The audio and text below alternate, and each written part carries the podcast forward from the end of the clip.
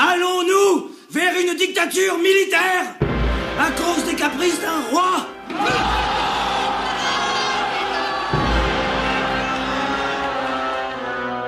De Franse Revolutie met Johan op de Beek. Het is een van die zwoele zomeravonden waar Parijs het patent lijkt op te hebben. De straten hebben de hele dag uh, gebakken onder de zon. De avond valt, het is 9 augustus 1792. En er gaat van alles gebeuren, alleen uh, belangrijke betrokkenen, zoals de koning, weten het nog niet. In elk geval, de hitte is ondraaglijk. Thuis bij François Robert houdt Louise zich ver van het raam, want ze, ze zweet. Ze is zwanger en ze is angstig, want ze voelt het, hè, ze, ziet het aan hij maakt zich klaar. Twee pistolen, geladen pistolen, stopt uh, haar echtgenoot onder zijn gordel en begeeft zich naar het hoofdkwartier van zijn chef, de grote Danton. Uh, die woont uh, vlakbij de Impasse du Commerce, vlakbij het café Procop, dat nog altijd bestaat. Die twee hebben hun lot aan elkaar verbonden en zeker in deze nacht die nu gaat komen. Wat is er zo bijzonder aan deze nacht? Wel, dagenlang al. Dagenlang uh, is het aan het broeien. Hè. De, de afgrond uh, waarin de politici neerkijken, die wordt altijd maar dieper. Ze zitten gevangen tussen de monarchie de contra-revolutionairen die vanuit het buitenland de revolutie willen omverwerpen. De Pruisen en de Oostenrijkers, niet te vergeten, die met hun legers al in Frankrijk staan. En natuurlijk ook ja, de, de andere kant, de Club des Jacobins, de sansculotten op straat waar de messen worden geslepen, omdat die mensen natuurlijk voelen dat, uh, dat men die revolutie niet alleen wil, wil beëindigen, maar gewoon ook terugdraaien en afrekenen met degenen die hem hebben uitgevoerd. En ook in de, in de volksvertegenwoordiging al dagenlang het strijd tussen wat ooit de extreme linkerzijde is geweest, maar ooit een paar maanden geleden, de Girondijnen, maar die nu al lang zijn voorbijgestoken door uh, kerels die uh, nog veel extremer zijn uh, en die zelf ook nog zullen worden ingehaald wat betreft revolutionaire rechtlijnigheid. Het zijn de, de, de heel linkse klik rond Robespierre. En, en, en vanuit dat tumult, vanuit die, die draaikolk van, van, van politieke standpunten, bewegingen, opstandigheid, angsten en zo verder ja, is het nu duidelijk dat in de nacht van 9 augustus ja, de harde revolutionaire kern besluit dat ze, ja, dat ze het heft zelf in handen moeten nemen.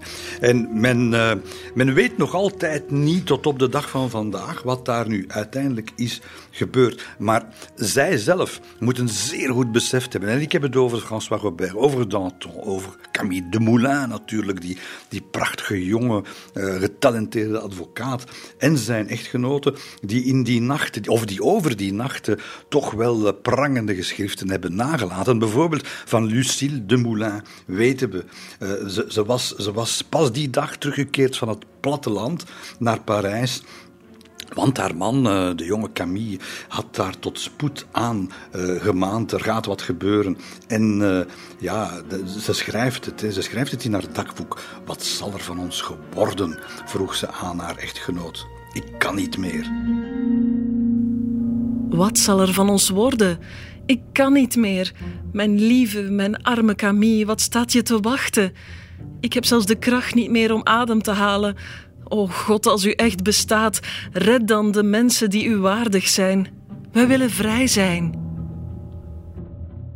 Lucille de Moulin beseft zeer goed, en net zoals de vrouw van François Robert, dat de fatale nacht is aangebroken. En net zoals François zal Camille ook de deur achter zijn uh, appartement toetrekken, niet wetend of hij ooit nog daar een voet zal uh, binnenzetten.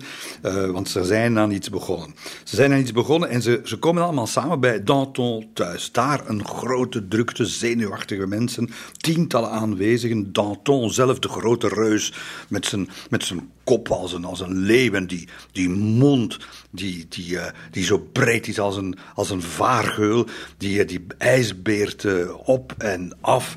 en, en, en ze zeggen het tegen elkaar. Hè. Als ze binnenkomen, Lucille de Moulin, die stevend meteen af op op Louise Robert, dus de echtgenote van François. En ze vraagt het, is, is het, is het waar, zegt gaan ze vanavond de noodklok luiden? Ja, zegt uh, madame Robert, uh, die is van alles op de hoogte blijkbaar.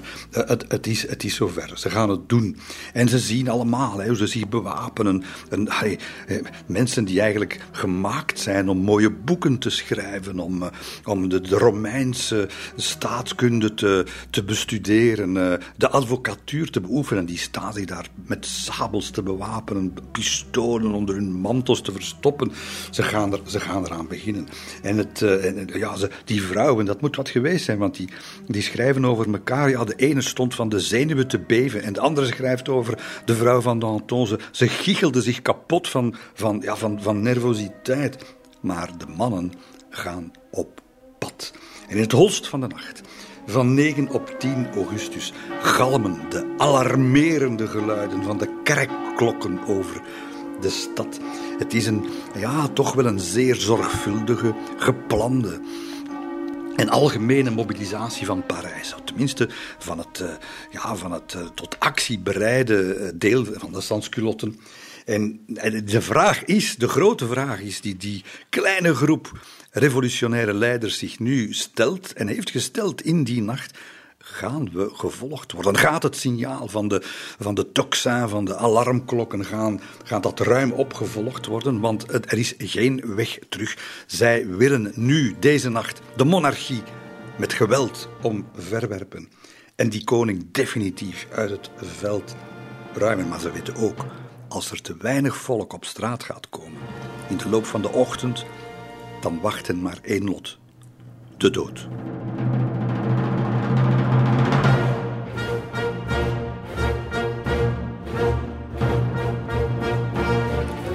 De mannen van Danton sluiten meteen uh, alle stadspoorten, de accijnshuizen, de tolhuizen eigenlijk, worden gebarricadeerd.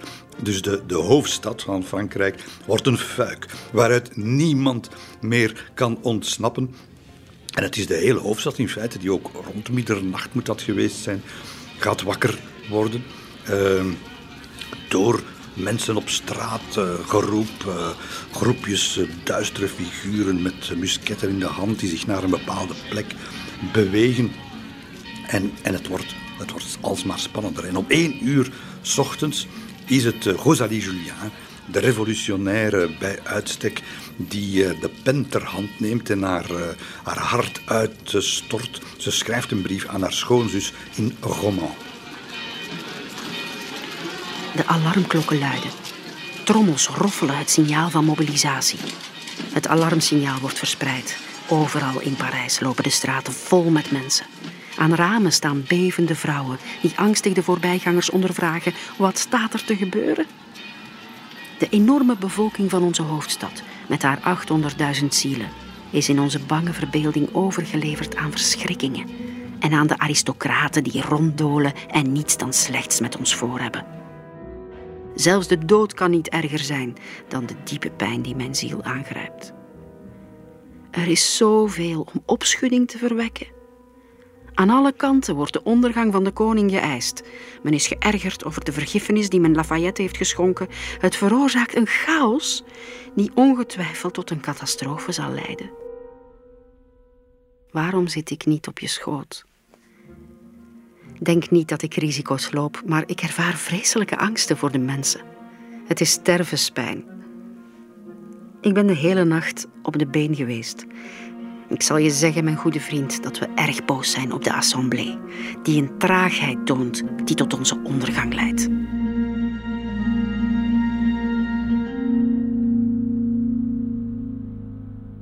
Het is ongeveer rond diezelfde tijd eh, dat eh, ze dat allemaal schrijft, dat eh, François Robert eigenlijk samen met zijn kompanen, met zijn militie eigenlijk, met de wapens in de hand, de trappen van het stadhuis oprent. En dat wordt de eerste grote zet. Ze moeten het stadhuis innemen. En niet alleen het gebouw, maar ook het zittende stadsbestuur, nota bene, dat is een door de revolutionairen aangestelde en verkozen stadsbestuur, Wel, dat moet vervangen worden door een nieuw, door een, eh, door een echte, een echt revolutionair. Het altijd echte revolutionairen en niet echte revolutionairen. Valse revolutionairen en de goede revolutionairen. Wel, ze gaan de commune insurrectionnelle oprichten. De commune, zullen we maar zeggen, het stadsbestuur, het ja, extreem revolutionaire stadsbestuur van Parijs. Wie zien we niet uh, in de volgende uren terwijl we wachten op het opkomen van de zon boven Parijs? Wel, Danton zelf, die dat allemaal zeer waarschijnlijk uh, uh, die hier aan de touwtjes trekt, wel, die, die, in geen velden of wegen, ja, velden zijn er natuurlijk niet zoveel in Parijs, maar hij is in elk geval nergens te bekennen. En Robespierre, nog minder, helemaal uit beeld, die, zit, die weet ongetwijfeld wat er aan de gang is, maar die zit uh, achter zijn twee uh, raampjes daar, uh, die alleen maar uitgeven op een binnenkoer, in huis. Maar het zijn de militanten, zoals een Robert, zoals een Camille Dumoulin, die de kastanjes uit het vuur zullen halen. En het is ook Robert die dan achteraf daar nog wel een, een uh, het is een kleine tussenbemerking, maar die zal daar achteraf ook zijn conclusies uittrekken. Die zal ook zeggen, uh, vanaf dat moment wist ik ook wat we hadden aan een Robespierre. Hè? Niet in staat tot, tot de minste actie. Uh, alleen op het spreekgestoelte kun je op hem rekenen. Maar onderschat hem daar maar niet.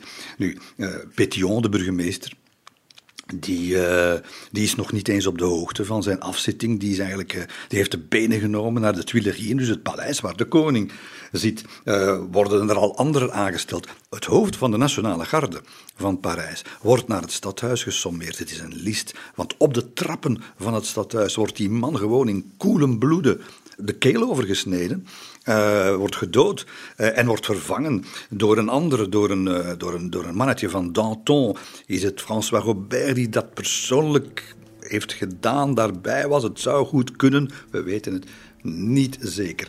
Maar dan begint dan de, de, de echte, het, het verwachtingsmoment is daar. Hè. De, de, de ochtend breekt aan. De klokken, niet te vergeten, die klokken die bijren, hè, die heel uren aan een stuk. Hè. Je gaat dat over Parijs. En dus men weet het al, uh, men weet het zeer goed. En inderdaad, stiltjes aan vanuit de faubourgs komen de eerste, uh, de eerste fédérés uit Marseille, uit Brest. Dat, zijn de, dat is de harde kern van de sansculotten, die niet uit Parijs zijn dus blijkbaar. Uh, en ze worden geleid door Camille Dumoulin. En die trekken op niet naar het stadhuis, want dat hebben ze nu al in handen, maar naar het Koninklijk Paleis, de Tuileries. En dat wordt eigenlijk op dat moment alleen nog beschermd, want de Nationale Garde, je kunt er niet meer op rekenen. Ah nee, die worden nu geleid door een opstandeling. Wel, het zijn de, de Zwitsers, zoals men zegt, les Suisses. Een, een 950 Zwitserse huursoldaten, maar wel de trouwe, de laatste garde van de koning. En ze gaan hun kop ervoor leggen. Die gaan hun koning met lijf en leden beschermen.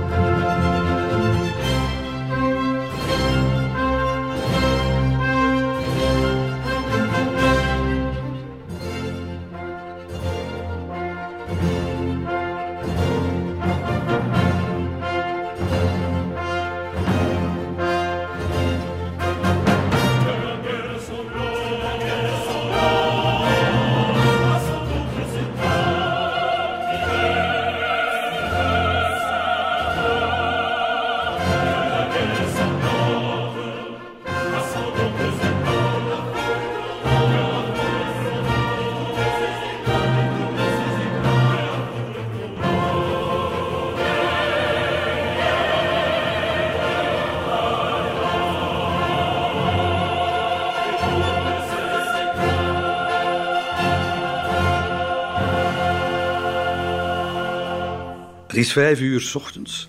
Uh, bij Danton thuis uh, slaapt men. Hè. Men heeft al een paar acties uitgevoerd. Men is terug naar huis gegaan. Uh, Danton bijvoorbeeld, die is zijn huis nog niet uit geweest. Camille de Moulin is ook eventjes terug om, om even te bekomen, maar die al terug in actie komen. maar ondertussen hoor je wel op straat zeer tegenstrijdige signalen. Je hoort Vive le roi. Oei, dat is niet wat we moesten hebben. Maar natuurlijk ook veel sterker. Vive la nation. Dat is ook nog niet Vive la République. Vive la nation. En op de Place du Carrousel, waar tegenwoordig je nog altijd kan gaan kijken naar die, naar dat, uh, die kleinere triomfboog voor Napoleon. Uh, daar stond eigenlijk het Tuilerienpaleis net voor. Wel, daar plaatsen de eerste bataljons, revolutionaire bataljons, zich in aanvalspositie. Kanonnen en alles. En uh, vanuit de Faubourg Saint-Antoine, dat is waarschijnlijk de meest de meest radicale, linkse zouden we vandaag zeggen, uh, van allemaal, uh, trekken 10.000, nog eens 10.000 mensen uh, aan. Om zes uur zijn we dan al. nog eens 5.000 komen er uit de Faubourg Saint-Marcel, de linkeroever. en, en ja, het is wel wat. Het is veel, die zijn gevaarlijk. Maar wat betekent dit? Wat betekent dit op een totale bevolking, niet te vergeten, in Parijs van 800.000 mensen? We hebben het hier over een fractie daarvan. Op de Pont Neuf staan batterijen, staan kanonnen van de Garde Nationale. Je hebt een opdracht gekregen, maar die opdracht wordt weer herroepen. Uh, ze schieten niet, integendeel, ze vermengen zich. En, en, en wie, wie is daar allemaal de, de verantwoordelijke voor? Het is een, een van je welste. Een man waar je van omvervalt als je zijn adem ruikt. Het is Santerre, een, uh, een, een, officier, die, een straffe kerel, een opportunist, die vorig jaar nog maar op uh, de mannen van François Robert heeft geschoten. Weet u nog, als hij daar de Republiek op de Champ de Mars ging uitroepen, dan was die Santerre een van de officieren van Lafayette die schoot op de bevolking. Hoe snel mensen hun uh, manteltje kunnen omdraaien hè, in zo'n situaties. Maar in elk geval, hij dient nu wel zeer trouw uh, Danton en, uh, en Robespierre. En men ja, men ziet eigenlijk dat de, koning, de koning die besluiteloos is, zoals altijd, hè, die, wordt, die wordt wel wat bijgestaan. Marie-Antoinette zal hem, zal hem zeggen van, hij moet iets doen. Hè. Ja, maar wat moet hij doen?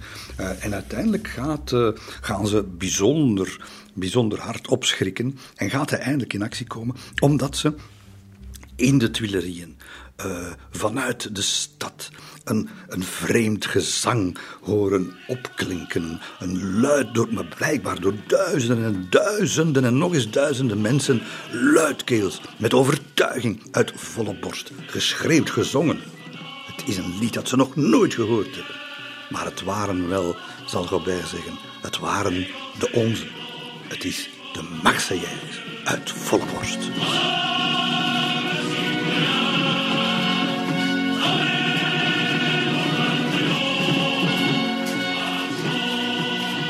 De koning die, die, ja, hij gaat iets doen, maar zoals altijd te laat. En hij vergist weer volledig van, van momentum. Wat gaat hij doen? Wel, plotseling gaan de deuren, of gaat daar een deur open in de Tuilerieën aan de carousel. En wie verschijnt daar? Kijkend naar, de, naar, naar honderden uh, musketlopen en, en kanonnen die, die op uh, zijn kasteel of op zijn paleis gericht staan. Het is de koning. Die daar alleen, helemaal alleen, Helemaal alleen. In, het, in, de, in die spannende, zinderende, van, van, ja, van onheilzwangere ochtend die uh, dat carouselplein uh, oversteekt. En wat is de man van plan? Iedereen vraagt het zich af. Wel, hij komt zoete broodjes bakken. J'aime la garde nationale, roept hij uit. Naar die opstandige nationale garde, die niks liever nu wil dan hem uit de weg ruimen. En het enige antwoord dat hem geboden wordt is... Abat le roi! Weg met de koning. En hij, hij, hij, zet nog een paar stapjes vooruit. Je kunt je dat voorstellen, zegt hij, die koning. Zo, hij heeft toch een moment van, van, van moed. En dan wordt er geroepen, niet alleen weg met de koning, ergens van achter de kanonnen wordt geschreven. Weg met dat vette varken! En gelach overal. En hij, is met waardigheid de carousel opgekomen. Maar hij zal met de staart tussen de benen terug naar de voordeur van zijn goed bewaakt paleis lopen.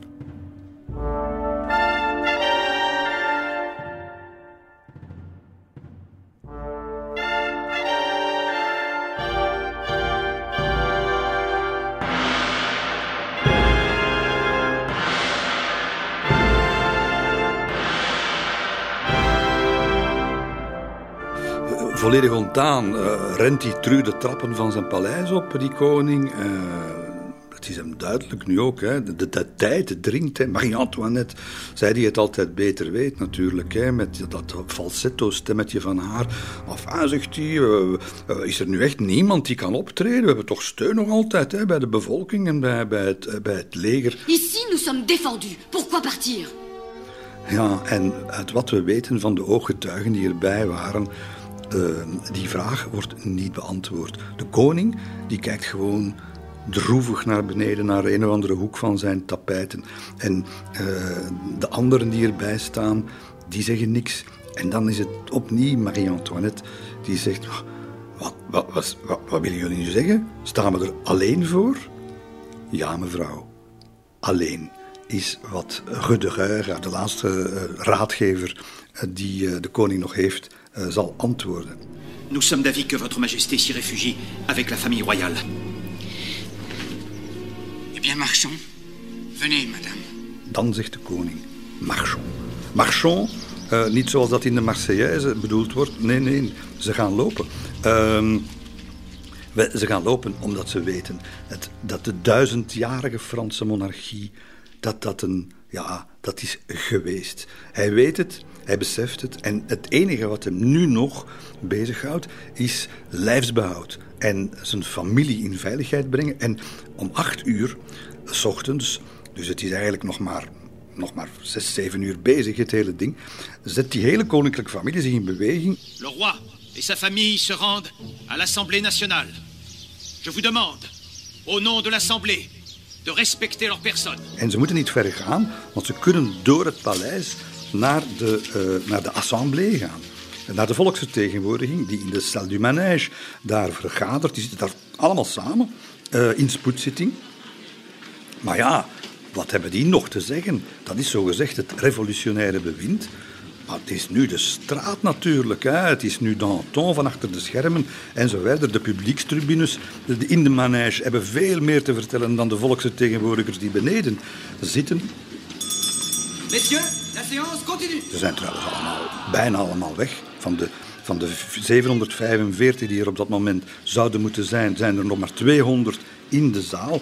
En die die er nog zijn, dat zijn nu net de meest radicale. Die willen niet liever dan de wensen van de sansculotten uh, inwilligen. Uh, uh, ze hebben wel de goedheid. Ze hebben wel de goedheid om de koninklijke familie een onderdak te bieden. Waar mogen ze zich gaan verschuilen? In het bureautje van de griffier van de assemblée.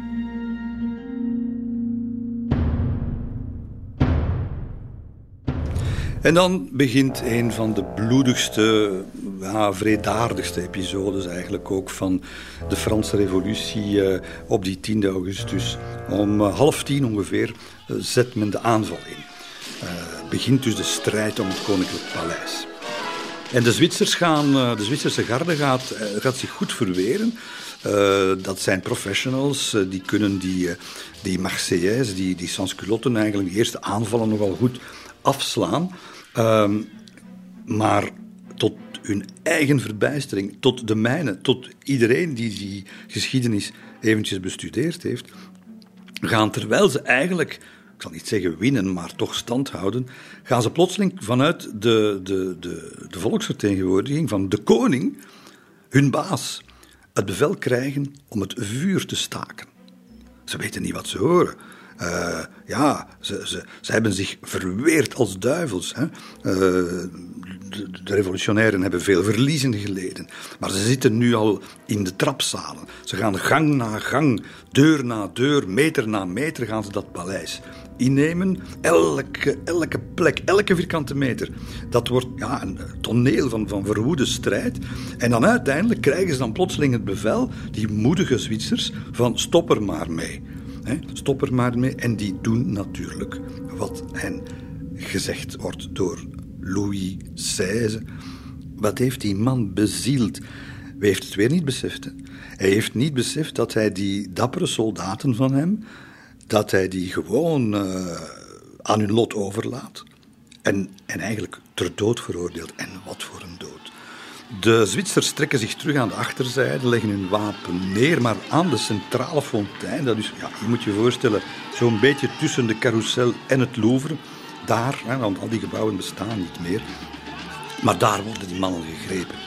Ze, ze, ze, ja, ze worden geïsoleerd van elkaar, in kleine groepjes bij elkaar gedreven. En dan, als wilde beesten, hè, worden, ze gewoon, uh, worden ze gewoon afgemaakt hè, met de bajonet, met bijlen. Ze worden in elkaar geslagen. Uh, een orgie van geweld die, die, die niemand, er zijn officieren bij uh, van de revolutionaire garden en zo, die, die niemand onder controle. Dus heel die binnenplaatsen, grote binnenplaatsen, vol lijken, bloedplassen. En diegenen die, die toch nog erin geslaagd zijn om, om ergens het Louvre binnen te geraken of, of de Tuilerieën binnen te geraken, die worden opgejaagd als wild. Ze zitten achter hen aan, in de gangen, worden gegrepen, worden neergeslagen, kapot gemaakt. Hun, hun, hun hoofden worden er afgesneden. Het is vreselijk wat daar aan de gang is. En u moet goed weten dat op datzelfde moment, op datzelfde moment, en we zijn, we zijn uh, ja, de ochtend is al flink, een flink stuk opgeschoten. Dus de Parijs is, is wakker, Parijs leeft. En eigenlijk terwijl al die dingen zich afspelen in het Koninklijk Paleis, gaat het, het leven twee, drie kilometer verderop. Wat zeg ik, een kilometer verderop. Dat is een gewone gang.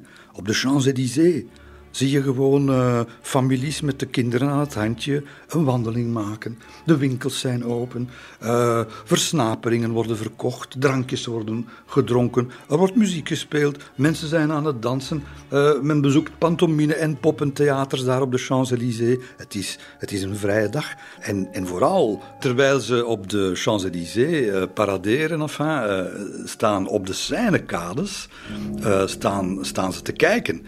Duizenden mensen kijken toe hoe daar voor hun neus, enfin voor hun neus, uh, wat is dat, 100, 150 meter verder, hoe daar die, die slagpartijen aan de gang zijn. Het is, het, ja, het is een, een, een schokkend tafereel en, en, en, het lijkt, het doet denken aan het Colosseum, hè, waar men gaat kijken naar de, de gladiatoren die door de wilde dieren worden uit elkaar gescheurd.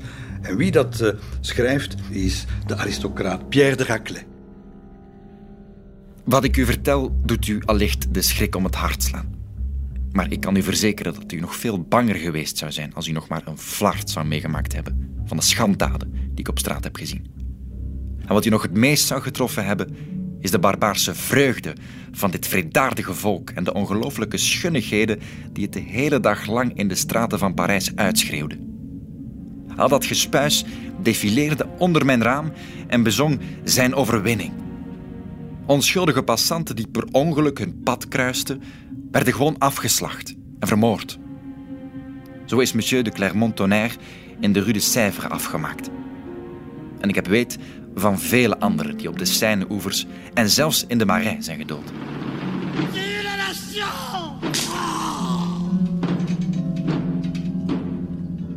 Terwijl zich dat allemaal afspeelt, wordt het ook al snel duidelijk dat eh, het niet alleen soldaten, de Zwitsers zijn, die genadeloos worden afgemaakt, maar ook anderen. Honderden meters naar het westen, de Place Vendôme. En wat zien we daar? Wel, daar is een stel jonge mensen met mensenhoofden aan het spelen. Jawel, ze gooien ze in de lucht. Ze proberen ze op het uiteinde van hun pieken op te vangen. Het zijn afgehakte hoofden. Niet van Zwitsers, maar van Fransen. Het zijn journalisten. Het is de royalistische journalist Sulot en drie anderen die daar gewoon op straat uh, de kop is eraf gegaan. En het is Camille Moulin die hem nog de avond ervoor uh, gewaarschuwd heeft. Hè, die hem gezegd heeft, kom bij mij logeren, want we gaan morgen, gaat, gaat er van alles gebeuren. En Sulot, die heeft dat geweigerd. En die wordt dus gegrepen. Die wordt gegrepen uh, vlakbij de Club des Feuillants.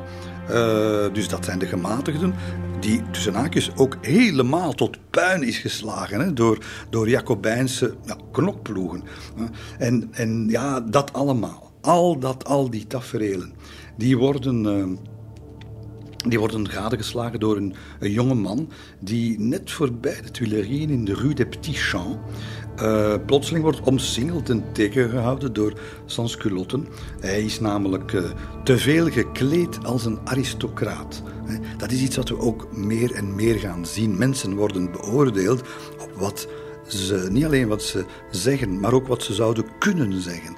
Wat ze zouden kunnen denken. En, en, en dat zie je aan uh, hoe ze zich gedragen. Als dat wat gesofisticeerd is, dan ga je voor de bijl. Als je je te goed kleedt, dan ben je een foute kerel. En, en ze hebben hem vast Hij, wordt, hij zal het mes op de keel krijgen en hij zal moeten onder die bedreiging uh, meeroepen met de sansculotten. Vive la nation! Je hoort hem dat roepen uh, met een vaste stem, met een leiderstem ook eigenlijk, maar met een zowat een buitenlands accentje. En dat moment zal betrokkenen nooit vergeten. Het zal zelfs alles bepalend worden voor zijn latere daden. Want zijn naam is Napoleon Bonaparte.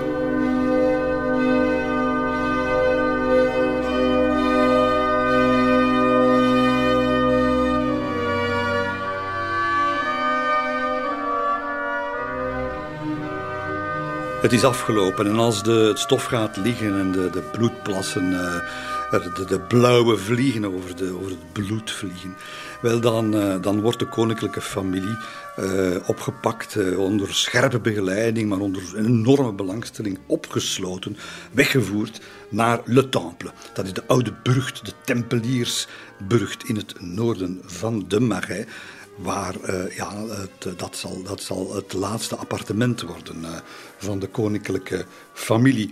En ja, dat is toch ook interessant om eens even stil te staan bij die allerlaatste uren van die, van die wilde 48 uur die, uh, die we achter de rug hebben.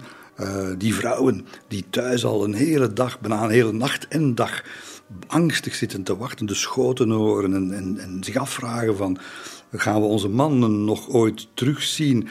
Wel, uh, ze gaan elkaar in de armen vallen. Hè? François Robert met zijn Louise en Camille met Lucie.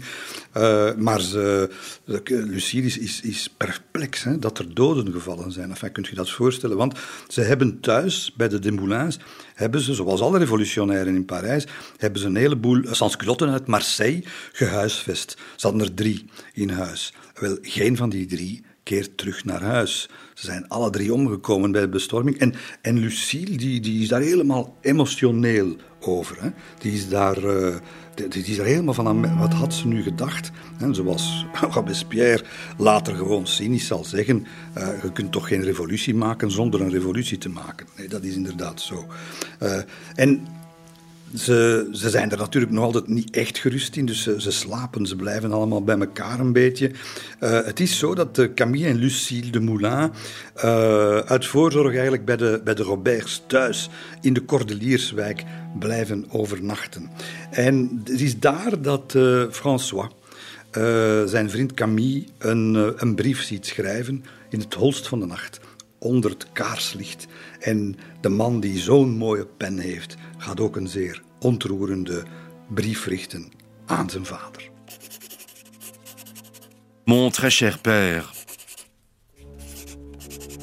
Waar is de vrijplaats, het souterrain, dat me voor alle ogen zou verbergen, samen met mijn vrouw, mijn kind en mijn boeken? Ik moet er steeds weer aan denken dat deze mensen die bij duizenden worden vermoord, zelf ook kinderen hebben en ook vaders. Ik kan tenminste zeggen dat ik geen van deze moorden op mijn geweten heb, noch die oorlogen waar ik me altijd tegen heb gekant, noch deze spiraal van kwaadaardigheid die de vrucht is van onwetendheid en blinde ambitie. Samen zitten die nu aan het roer. Tot ziens. Ik kus je. Waak over je gezondheid, zodat ik je aan mijn borst kan drukken als ik deze revolutie overleef.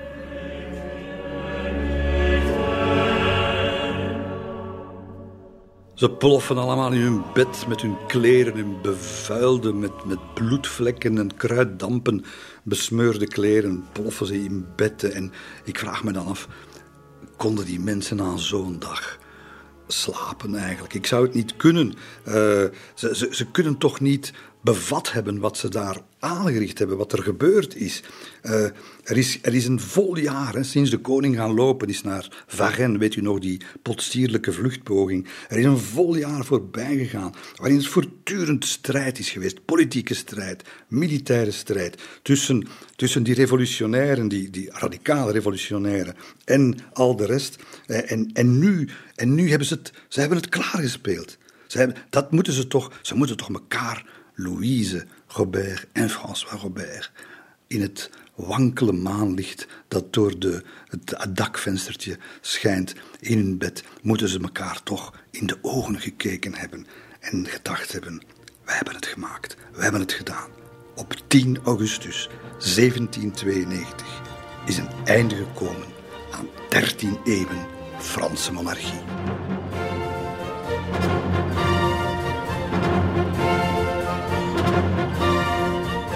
De Franse Revolutie. Met Johan op de Beek.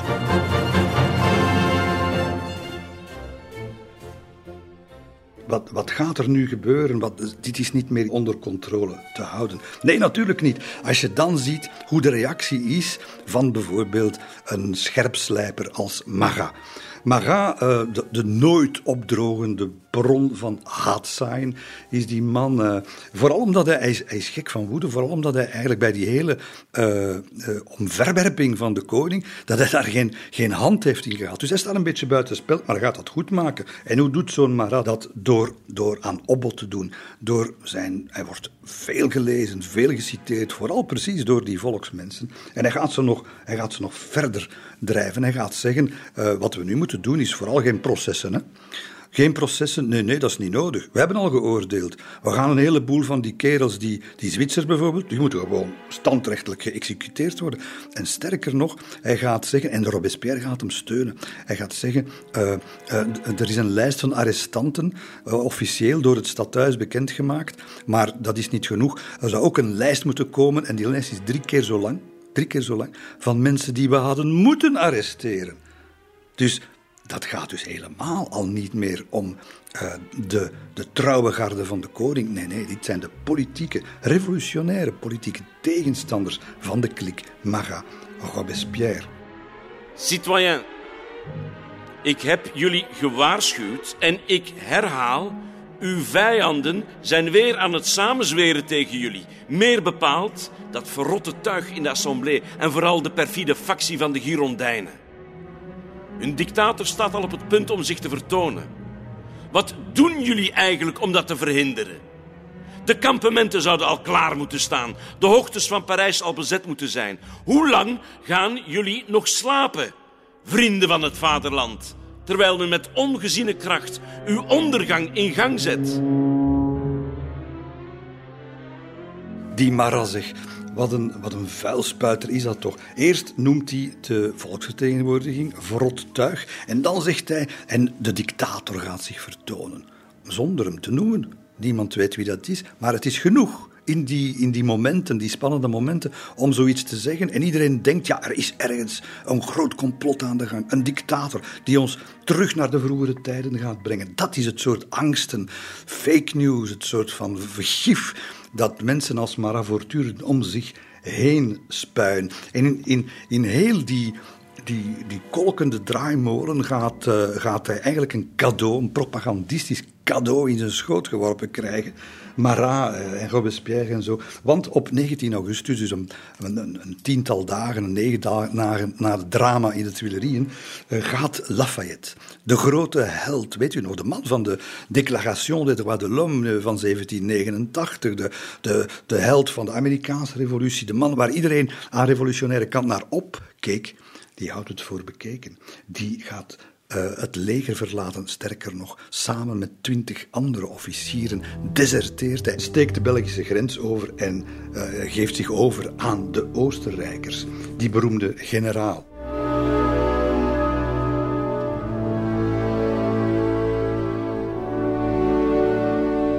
Verraad van Lafayette schenkt plotseling een geweldige geloofwaardigheid aan extremisten als Maga.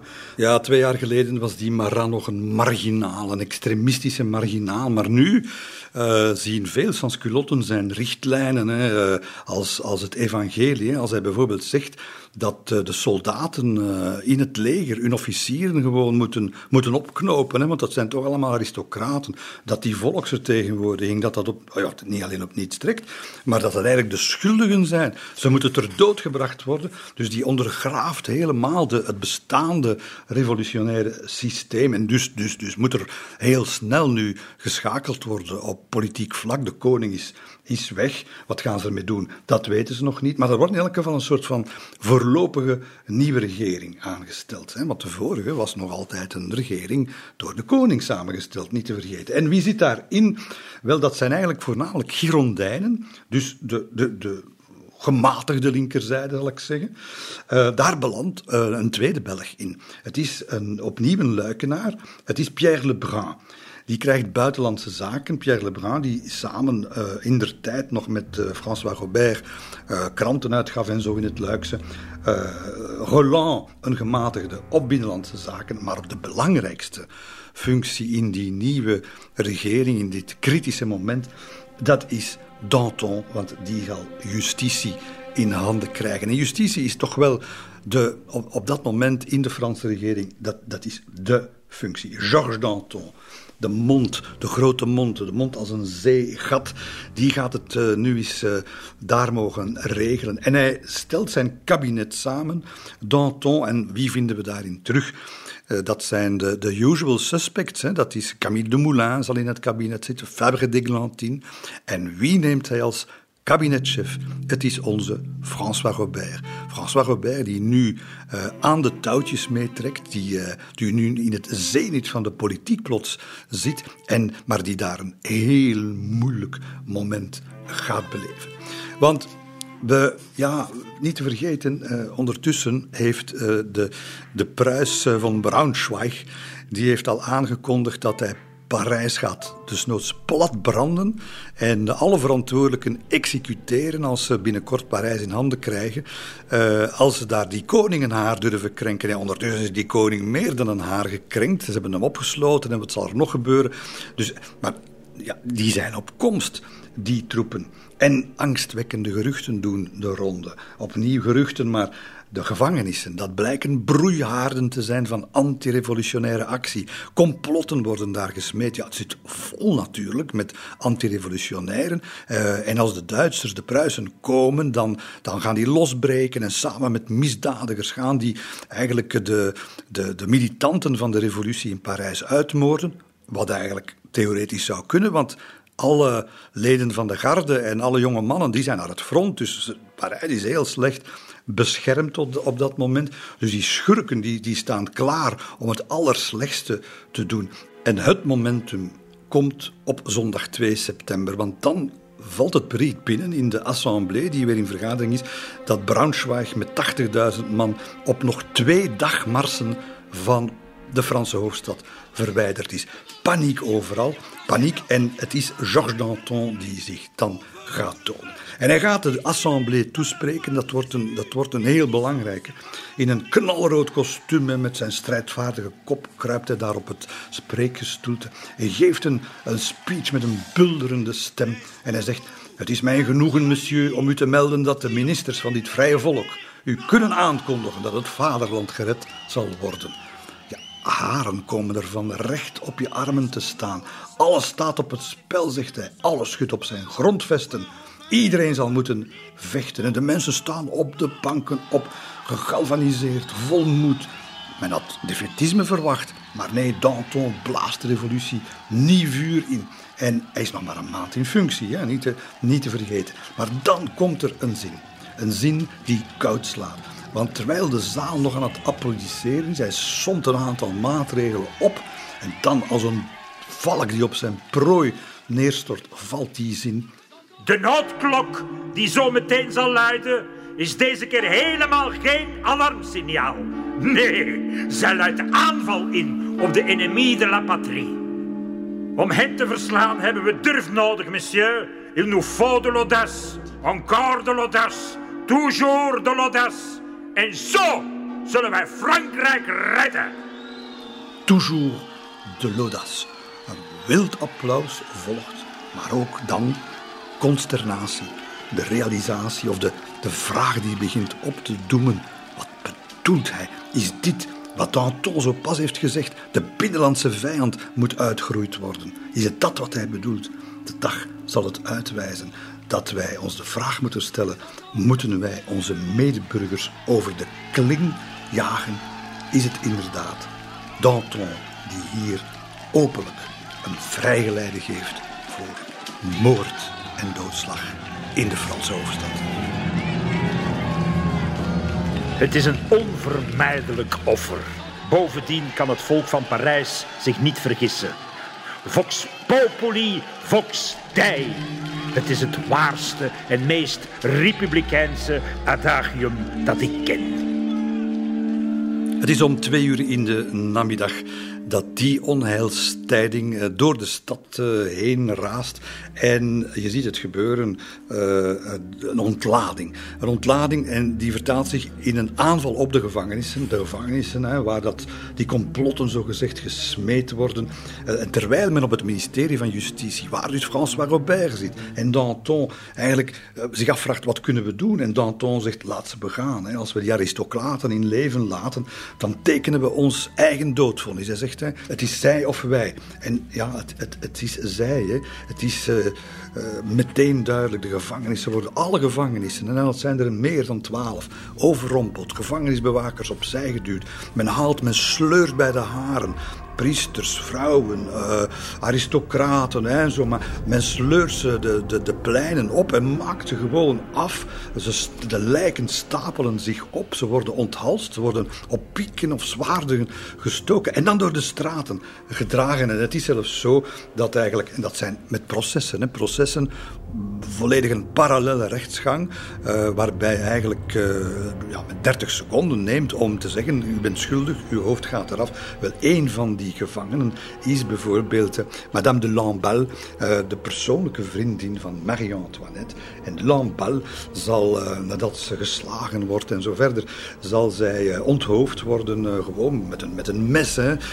En haar hoofd zal door de straten gedragen worden. Men zal, terwijl fakkels dat, dat bloedende hoofd, dat gemartelde hoofd uh, verlichten. Dan is het de bedoeling dat zij tot aan Le Temple wordt gedragen, waar Marie-Antoinette uh, zit. En dat hoofd zal getoond worden, zal voor de venster van de verschrikte ex-koningin, enfin ex is ze nog niet, uh, de vorstin, de gevangen genomen vorstin, getoond worden. Terwijl ze daar met, met een kreet van afgrijzen naar kijkt, stijgt het gejuich uit de straten tot boven waar de koning in eenzaamheid zijn lot afwacht.